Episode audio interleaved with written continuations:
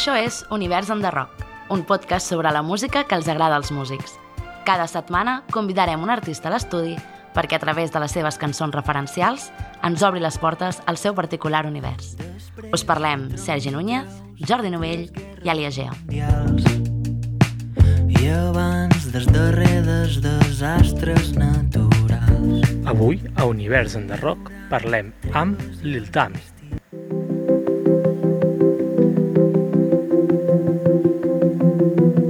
Vi pa una discoteca amb una ampolla i dos bengales, una posta de sol i amics a una platja a l'escala, una segona residència a la zona de Puigcerdà, i en veritat, allà on vas ni bé ni va.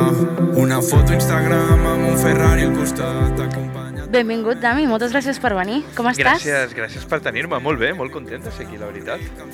Ara, de fet, ara fa quasi 6 anys et donaves a conèixer en aquest, mate en aquest mateix espai que estem, l'antiga fàbrica Estrella d'Am, en els concerts preliminars de, del Sona Nou. Increïble. Com, sí, com recordes aquells primers anys en els que començaves? Molt màgic, tio, molt èpic. Sí, a més és que és el mateix escenari i mola perquè és un escenari que amb els anys l'he tornat a anar trepitjant en diferents etapes de la meva vida. I, i joder, qui m'ho havia de dir quan estava amb el que per mi era, ok, el sona nou, però no tenia cap aspiració vocacional amb la música, que això, sis anys més tard, estaria presentant el tercer disc, tio. És fort, és fort, i t'explica també, pues, no sé, les voltes que pot donar la vida, no?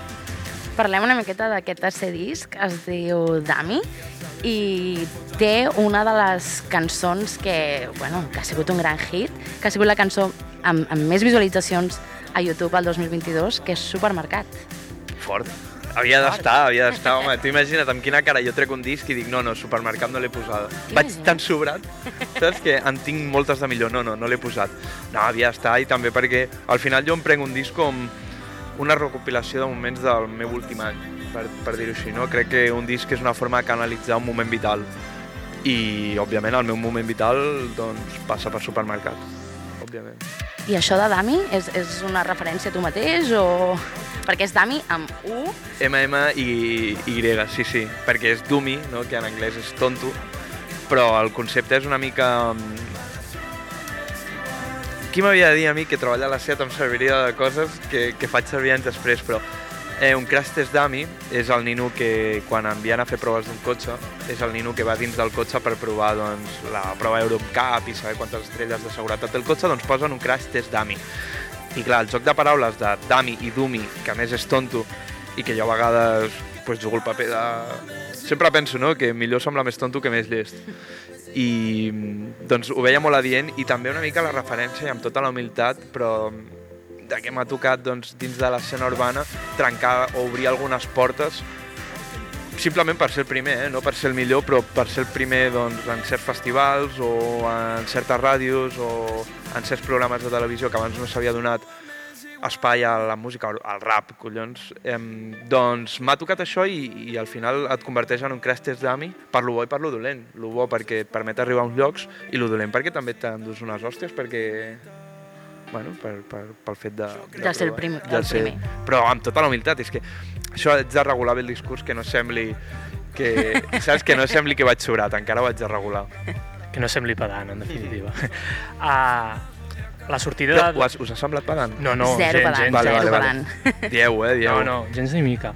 A la sortida d'aquest senzill, d'un dels senzills del disc, Més igual, l'has liat una mica perquè has simulat que t'havien hackejat el compte i, bueno, tota una liada per xarxes. Ja. Uh, com va sorgir aquesta idea? Em vaig passar, crec que aquest cop he anat una mica lluny. Us ho veu tragar? Eh, jo no, però he de dir que perquè a mi em van xivar que traies un nou tema i jo ja estava... Eh, és que és una mica, una mica avisada. El, el cuento de Pedro y el Lobo, no? Que Sí. ja n'he fet tantes que... Aviam, jo sempre penso que fer promo de música nova quan ets una, un artista al que, per exemple, Spotify mai et posarà playlist editoriales perquè fas música en català és molt complicat. I en unes xarxes socials on t'has de combatre contra tants algoritmes, tanta gent que té, òbviament, més seguidors que tu, t'has de donar, has d'intentar fer l'estratègia més, més divertida o ser el que té més diners. Jo, com no sóc el que té més diners, haig de tirar per les estratègies divertides. Llavors, em va semblar, o sigui, realment se'm va ocórrer, de, com parlava de xarxes socials, eh, vaig pensar, i per què no, què passaria si perdés la xarxa social? I em va sorprendre que tothom va picar, tio. O sigui, a mi em sorprèn perquè és com, tio, els que porteu ja més d'un any seguint-me, ja sabeu com sóc. saps? Sóc el Joker, amb, malament, saps? Però és com el Joker. O sigui, lo dels cereals, vale. Quan vaig dir que treia una pel·lícula a Netflix, quan vaig dir que feia les campanades, quan vaig dir que el Puigdemont m'havia escrit un DM, quan vaig eh, dir que per ser verificat em pagaven per cada post que pujava a El teu Instagram. historial és llarg. Ja sabeu que hi ha una certa conya, però no, no, segueix funcionant. La gent es va enfadar amb tu. Hi ha de tot, hi ha tot. Hi ha... La gent que ja em segueix més... Joder, no es pren res en sèrio, però després hi ha gent que sembla que li vagi la vida. I puc entendre, eh, que s'enfadin, però jo sobretot quan faig conyes o faig bromes, intento que siguin bromes que, que posin en risc la meva integritat o la meva persona. És a dir, mai faré una promo o una broma en rient-me'n de tu o en rient-me'n d'una altra persona perquè ja està, hi ha un tercer actor i ja t'estàs fotent amb algú que és més sensible, però al final sóc jo dient que he perdut el meu Instagram, que me l'han hackejat, sóc jo fent-me passar per un altre, insultant-me a mi mateix, no hi ha ningú ferit.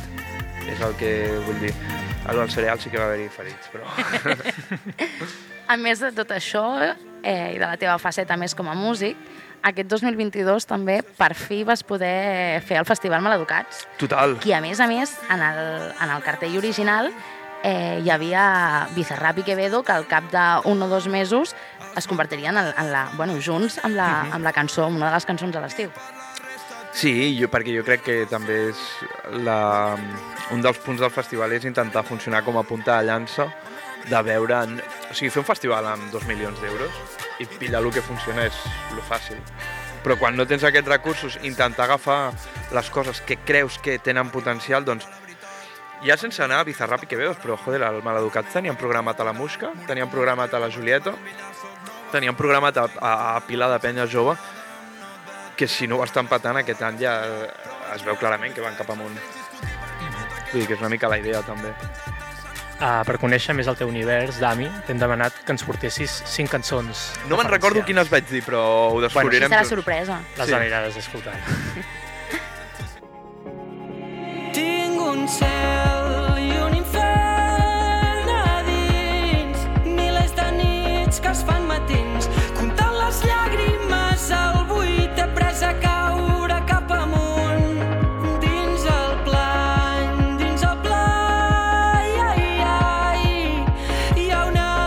Doncs comencem amb els usonencs Oques Grasses, amb Elefants, la cançó que obre el seu darrer disc fins ara, a tope amb la vida, i que els ha consolidat com una de les propostes més populars i reconegudes de la música festiva del país.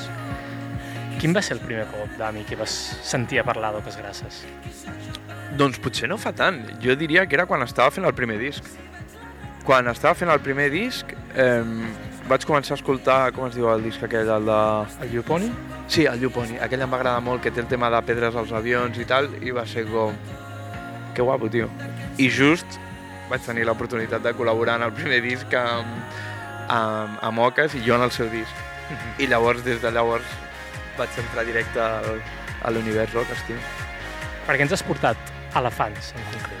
pues en concret perquè és un tema que no sé si és el meu preferit d'Oques, però sí que és un tema, ho parlàvem abans, no? que crec que la música marca molt bé els moments i hi ha temes que, que simplement pel moment on el vas escoltar ja tenen una aura diferent i ja els captures d'una forma diferent. I aquest en concret, quan estava coneixent a la meva parella, va ser com el tema que no sé per què ens va donar i que escoltàvem al cotxe i em recorda molt a ella, tio.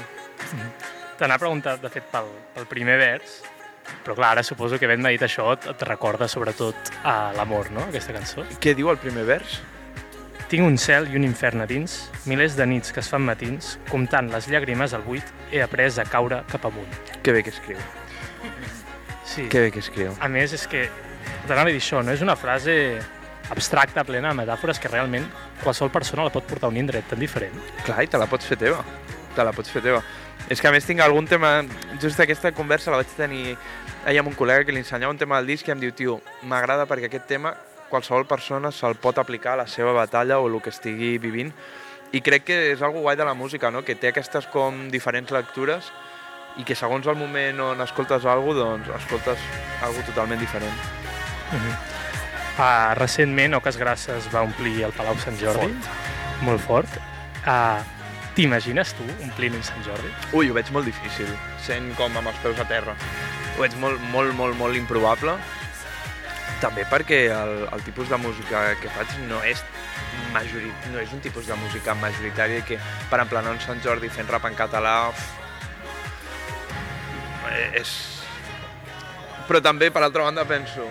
Hi havia tantes coses. Clar, t'anava a dir, el 2017 algú diu que Clar. estàs aquí, tu Clar. creus? Hi havia tantes coses que a la vida m'hagués pensat que em passarien i han acabat passant i m'han acabat sorprenent que és com, bueno, ho veig difícil però si passa, passa i si no passa, eh, igual de content, eh? també t'ho dic. Vull dir, ja he, he superat eh, de llarg el que, el que pensava que podia arribar, o sigui, tranquil·líssim.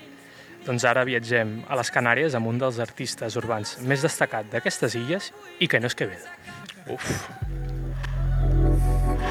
Aquest tema. Aquest tema. Crucicafo. Se está gestando algo. No nos quieren ver brillar, pero se está gestando algo. Visión túnel. Eh. El cuarto huele y semillaque. A sexo y semillaque. Ella fue a limpiarse y yo miro el watchfinder.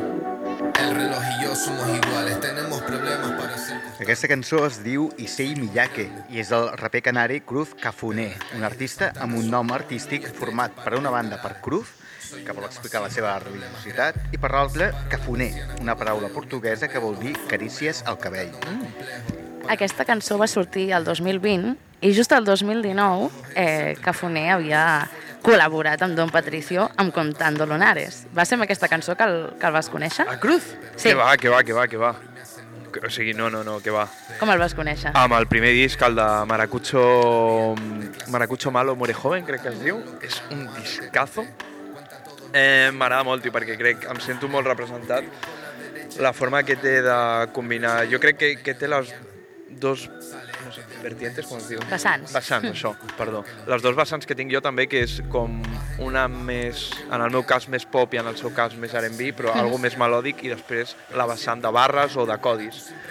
Llavors, a mi mola molt quan, sobretot en el rap, escolto un artista i necessito fotre-li dos o tres ullades a la lletra per pillar tots els codis. Crec que jo a l'hora d'escriure també és algo que intento de posar barres que no siguin fàcils de pillar. I és algo que trobo molt a falta.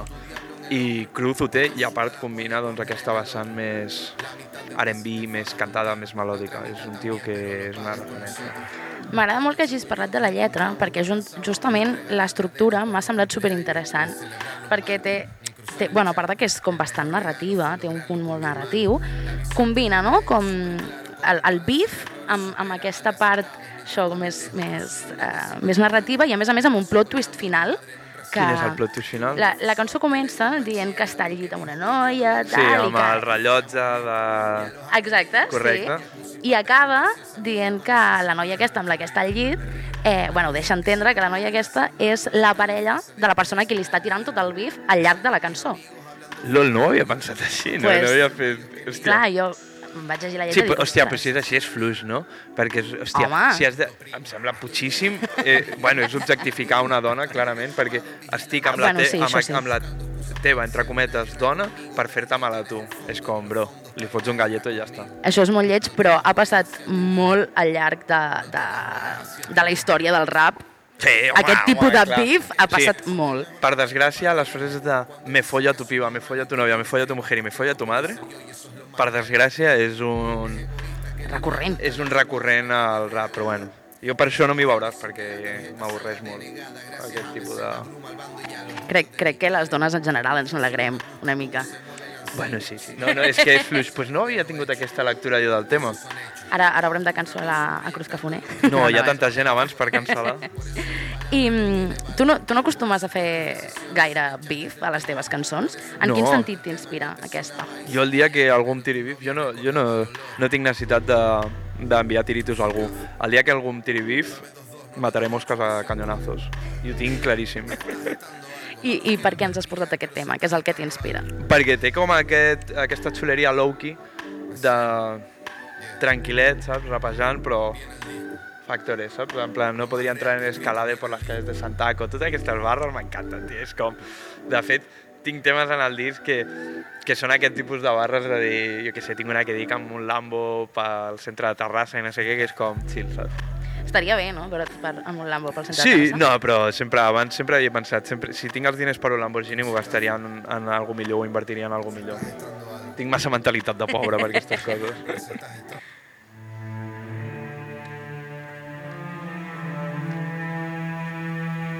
Això és la, la música de viciar, tio. Sí. Hòstia, m'has pillat aquí, eh? Aquesta deu reconèixer. Sí. De la música urbana passem a la música de videojocs, en, en concret de, de l'Age of Empires. És del 2, aquesta, eh, crec, per això. És de l'1 i del 2. De l'1 i del 2. Sí, sí. Ho he buscat. Explica'ns la teva relació amb aquesta franquícia i, i en general amb el, amb el món de les consoles i els videojocs. Pues, tam doncs, tampoc és que sigui un gran gamer, eh? Només jugo a un joc i és l'Age of Empires. Ah. Sí, jugo a altres coses, però casualment. Però si algú em prenc cometes, en sèrio, és el puto Age of Empires. Sí, diguéssim que és quasi com la cosa a la que li tens més fidelitat del món, perquè és com quasi exclusiu, no? O sigui, bueno, Entre cometes. a la meva família, a la meva parella, no? Ja, Ja, ja, no, no, no, però que... Però que he, he, he jugat a jocs, jo què sé, he jugat a Call of Duty, he jugat a jocs així, però l'únic que m'han mantingut viciat des de que tenia 10 anys fins als 28 és l'Age of Empires. Perquè és un joc que ja jugava amb el, amb el meu pare, l'Age of Empires 2, quan teníem el Windows 95 i, i, i me'n recordo d'haver viciat amb el meu pare. L'havia arribat a jugar a la Play 2, que, que és una merda jugar a l'Age of Empires a la Play 2. Eh, L'he jugat en totes les plataformes, he jugat del 2 a totes les versions que hi ha i ara estic amb el 4. O sigui, viciant com un cabron. Amb el poc temps que tinc, però quan puc, o sigui, tinc un grup amb, els col·le amb col·legues, amb gent que ni conec, de ei, fem partida i ens connectem tots. És increïble. Perquè, i, i us explicaré el per què. Perquè crec que és un joc que em requereix molta atenció, em requereix molta concentració i durant una hora, o el que duri la partida, no penso en res més. Poden estar trucant-me, o sigui, literal, trucades importants i... Ah, tio, estic enmig d'una guerra, tio, a mi no em calentis. Sí, és una evasió total. perquè m'obliga a estar concentrat en una cosa i, i, i no puc mirar el mòbil perquè estic allà. És, és boig, no em passa amb cap altre joc, tio. Per als que no som gamers, de què va? Mm. Bona pregunta. em, és un joc de- d'estratègia en temps reals, un RTS que se'n diu, que tu comences amb, amb el teu ajuntament i amb cinc aldeanos, llavors has d'aconseguir recursos del mapa, que depèn del mapa són diferents, construir el teu imperi i matxacar el contrincant. Vale. Però què passa? Que quan jugues ja una mica més pro, ja comença a entrar els primers aldeanos els has d'enviar allà, quan passi un minut els has d'enviar allà, haig de, haig de pujar d'edat en aquest minut, llavors es torna com tot molt més competitiu i molt més... Clar, mires una partida d'un professional d'això i és una gozada, és com un tipus d'escacs. Jo el trobo molt semblant als escacs. També, per altra banda, et faré una pregunta una mica més lligada a la música dels videojocs. T'agradaria que alguna cançó teva arribés a ser banda sonora videojoc? No de l'Age of Empires, Ho he perquè... pensat, eh? Samplejar l'Age of Empires ja ha estat al meu cap. Ja, ja, ja hi he pensat algun cop. Perdona, perdona. No, et però t'anava a dir al revés, al revés, tipus, que Ja, ja, vingués el GTA o vingués el Call of Duty, bueno, o qui fos, i, a ti, i digués una, un tema. Tant de bo, perquè... Pasta, no?, per llicenciar el tema, vull dir... A part de que sí que em faria il·lusió, perquè crec que els videojocs eh, és un de, de les vessants més bèsties de la cultura, no?, a nivell de, de moviment de masses de gent i, i crec que seria una, oportu una oportunitat collonuda. Depèn quin joc, eh, també t'ho dic. Dir, no sé, en un FIFA. Bueno, al FIFA hi ha gent que recorda molts dels temes del FIFA i després ho han acabat patant, eh? Sí, dir, sí, sí, però no sé, no és el meu tipus Ja, de... t'ho play. Vull dir, hi ha gent... Si no, en el món dels gamers hi ha la gent que juga al FIFA, el Call of Duty i la resta. Bé, doncs ara eh, deixem els videojocs i saltem cap als Estats Units, retornant al rap. Hey,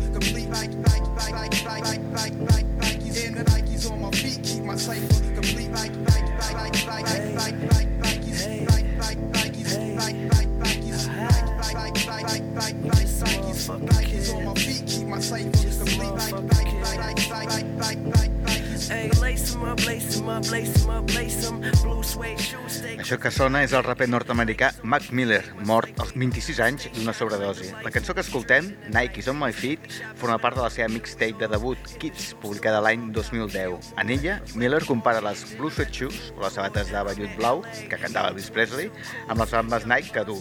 Tot una declaració de principis. Com comenta el Jordi... Increïble, tio, aquest tema. Sí, eh? El, el coneixes, eh, t'anava a preguntar, no? És el primer disc. El, el coneixes des d'aleshores o vas arribar a Mac Miller Mac més tard? No, no, jo Mac Miller el vaig descobrir en aquest disc, amb Like is on my feet, eh, tota la mixtape de Kids és increïble, té els de... com es diu?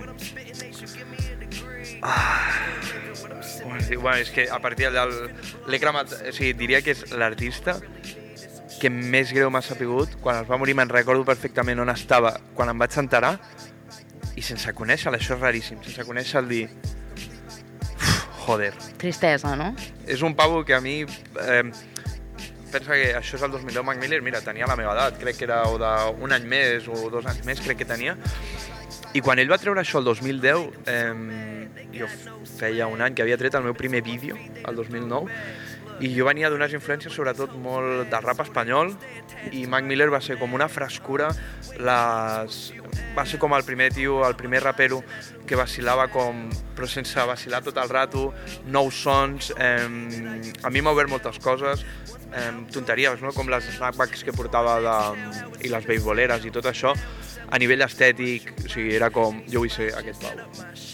I, I en quin sentit, deies, t'ha obert moltes coses, en, en quin sentit musical t'has influenciat per Marc? Molt, perquè a més, si, si mires la seva... tot el seu catàleg, des dels primers discos que, com el Kids, el Blue Side Park, eh, la mixtape de Machiavelli, que són com superraperes, després avances i els últims discos tens coses super musicals, eh, tens temes molt més poperos, molt més frescos, que no perden l'essència, i jo crec que, que en part és el que intento. No oblido les, les arrels d'on vinc, crec que es, que es nota que, que vinc del rap, que hem amat molt rap, però també com aquesta intenció d'obrir-me nous sons i entrar a l'estudi amb, amb la mentalitat de que surti el que surti i no amb la mentalitat de sortir d'un tema de rap perquè jo faig rap i no sé què, és com jo vaig a l'estudi que passi el que hagi de passar.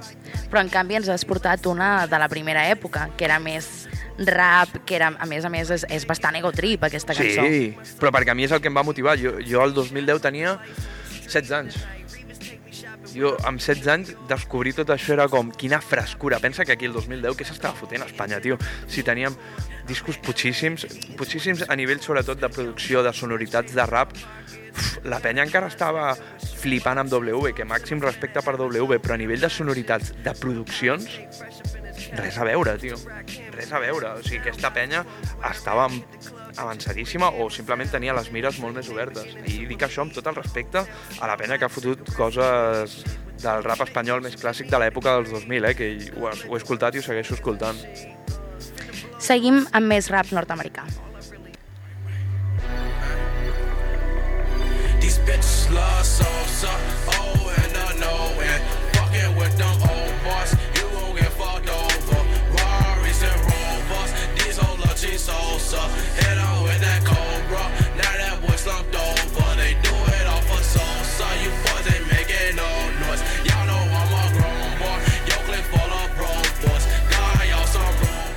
I ara escoltem a Keith Farrell, el raper de Chicago conegut com Chief Keef, amb Love Sosa, una de les cançons del seu disc de debut del 2012, Finally Rich, que va gravar en només 17 anys.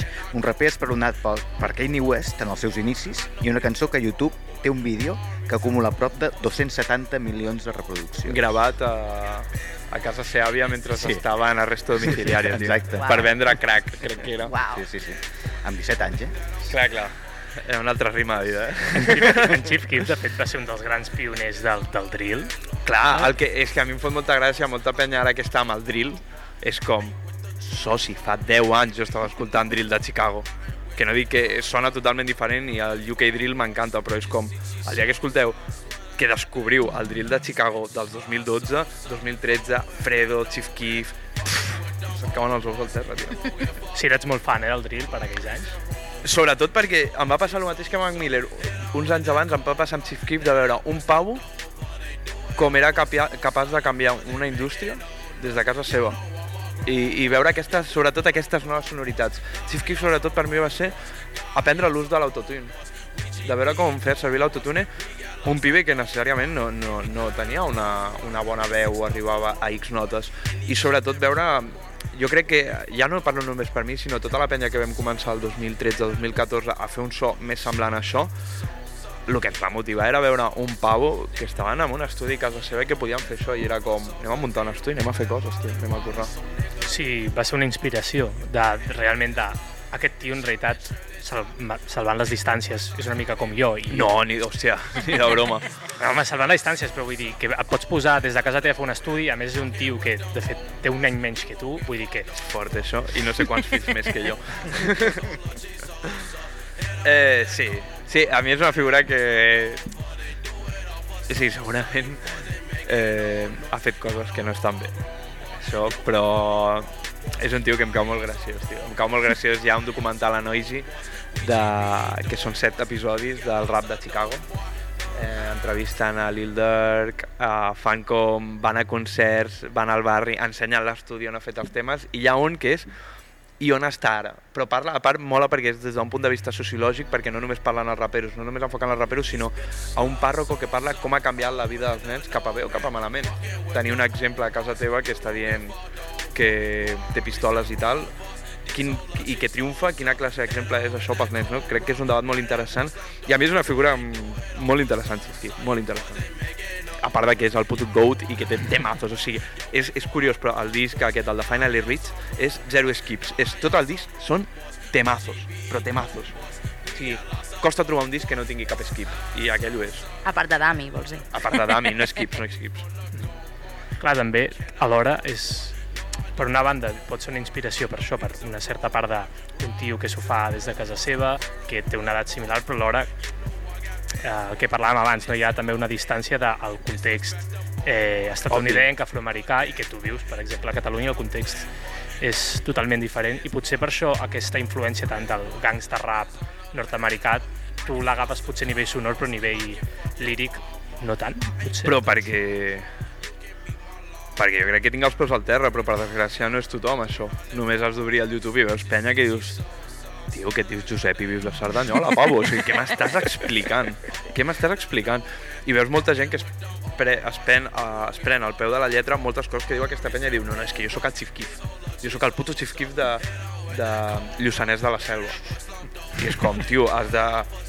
Vull dir, has d'entendre que el teu context...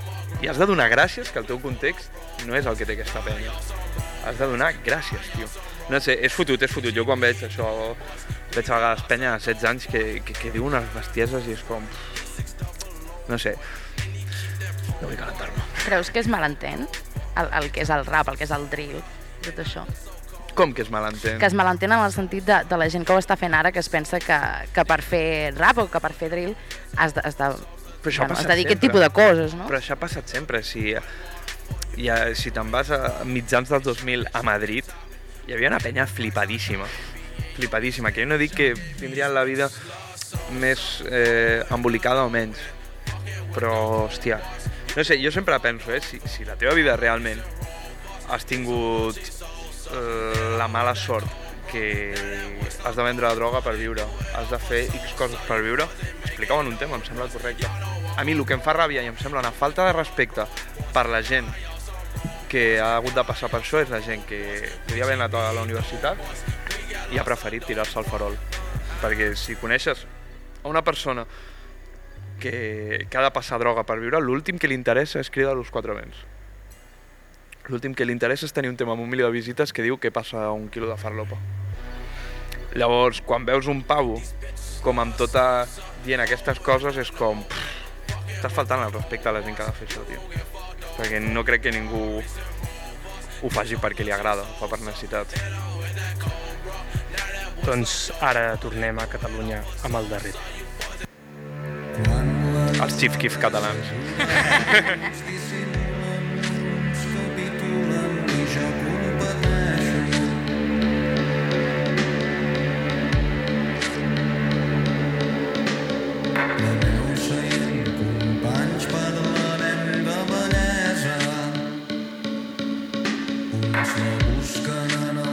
primers brots de la primavera.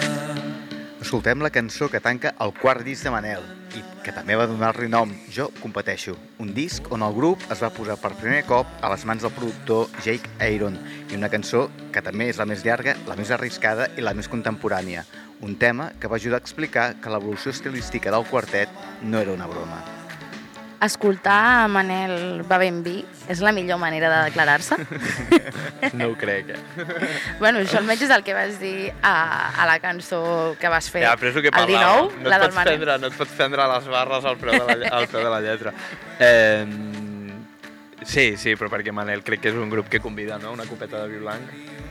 Crec que convida. O una cerveseta. O una cerveseta. Eh, ve de lluny la fascinació pel, per Manel? Doncs no especialment, eh? No especialment. Vull dir... Però sí que hi ha coses que les descobreixes i et vicies, i jo, sobretot, d'aquest tema me'n recordo... Ojo, eh, l'anècdota. Jo me'n recordo d'escoltar aquest tema en els últims mesos on, on estava currant. Si no m'equivoco... No, no, no m'equivoco, segur. De, que ja sabia que deixava la feina i que ho tenia al cap i me'n recordo d'anar escoltant aquest tema i no sé per què tinc la sensació això de Terrassa Martorell per les curves d'Olesa i anar escoltant aquest tema. I escoltaves el tema original de Manel o la versió, que és la col·laboració de les col·laboracions més boges que crec que s'han vist en els últims anys amb un escenari barceloní amb, amb la Gang. Sí, però m'agrada molt més l'original. L'original crec que... Però també perquè l'altre doncs, potser no van tenir tot el temps del món a fer-la. Però mític, mític, eh? Aquell vídeo és, és història, tio. Pioners. És una cançó, clar, Manel no fa rap, però també hi ha beef, ego trip, ironia... Em, Tenen barres, tenen barres. Tenen Manel, barres. Manel tenen barres, tio. Em, ets més similar a Manel del que podria semblar en un principi? Eh, jo crec que sí, crec que ens caracteritza el costumisme, tio. Crec que Manel té temes... Treu temes de coses que potser no t'ho esperaves d'una ampolla d'aigua, en tema, eh? I jo també. Crec que el punt més comú que tenim és aquest, com fer temes d'algú que no hauria de ser un tema a l'uso, saps el que ve? Una altra cosa que també teniu en comú és que els dos vau passar pel concurs Sona Nou Correcte. de bandes emergents i de fet tu ara has començat també, lligat al, al Festival Maleducats, un concurs de, Correcte. de rap emergent. Què van quedar ells? Van guanyar? No, no van guanyar. Cada segons. Hòstia. Vale, no, no, Ah, no, no, ja està, et, et volia preguntar pel, pel teu ah, no, de fet, concurs. aquí ho diuen, en aquest tema ho diuen. Sí, fan una, Oi que fan una no, fan una referència a haver quedat a Grup Revelació, Ah, vale. Sí. Vale, vale, vale, perdó. crec. Bueno, què em deies, perdó? No, que has, has començat tu també un, un concurs de, de rap emergent. Sí, bueno, perquè lligat al maleducat també volíem lligar-ho a la ciutat i ens va semblar bona idea. Ens va semblar bona idea i em va, em va servir per donar-me compte la de propostes que hi ha en català. Diferents i propostes... Mira que sempre penso, hòstia, és que estic al dia de tot el que està sortint, ho tinc tot controlat i vaig descobrir coses que era com, hòstia, que guapo, no, no ho coneixia. Va, passem al 2 per 5.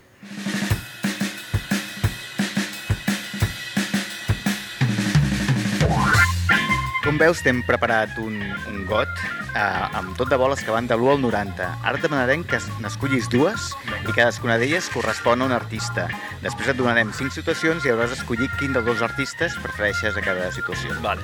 Endavant, Dami. La nena, Vale, per la gent de casa estic remenant. davant del micro. Vale, tinc dos. Vinga. Tenim el 21 i el 19. Ui. 21, oques grasses i Vale. 19, no? Has dit? Sí. Maria Arnal i Marcel Bagés. Vale. Molt bé. Preparat? Sí. Vinga.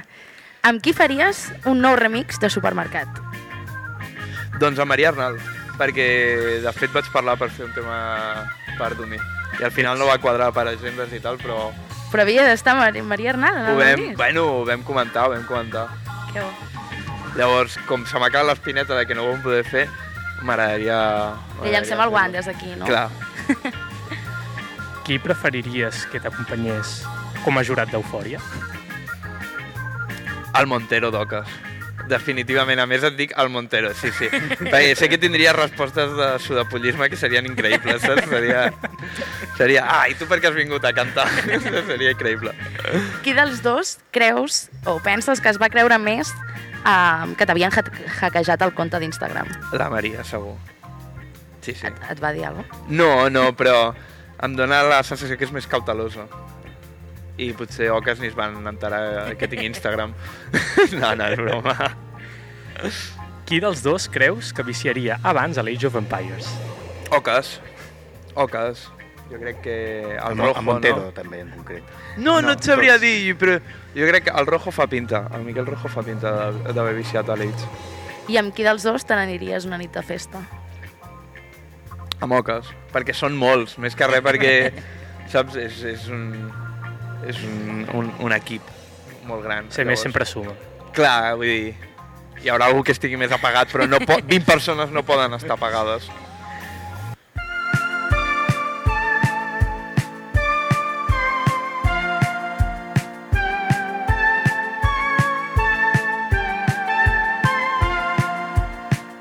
Moltes gràcies, Dami, per haver vingut. A vosaltres, a vosaltres, home. I fins aquí l'univers enderroc de Lil Dami. Ens podeu trobar cada setmana descobrint l'univers d'un nou músic a Spotify, iVox, Google i Apple. Busca'ns, escolta'ns i subscriu-te per no perdre't en cap. A reveure! Ens veiem, vinga, let's go!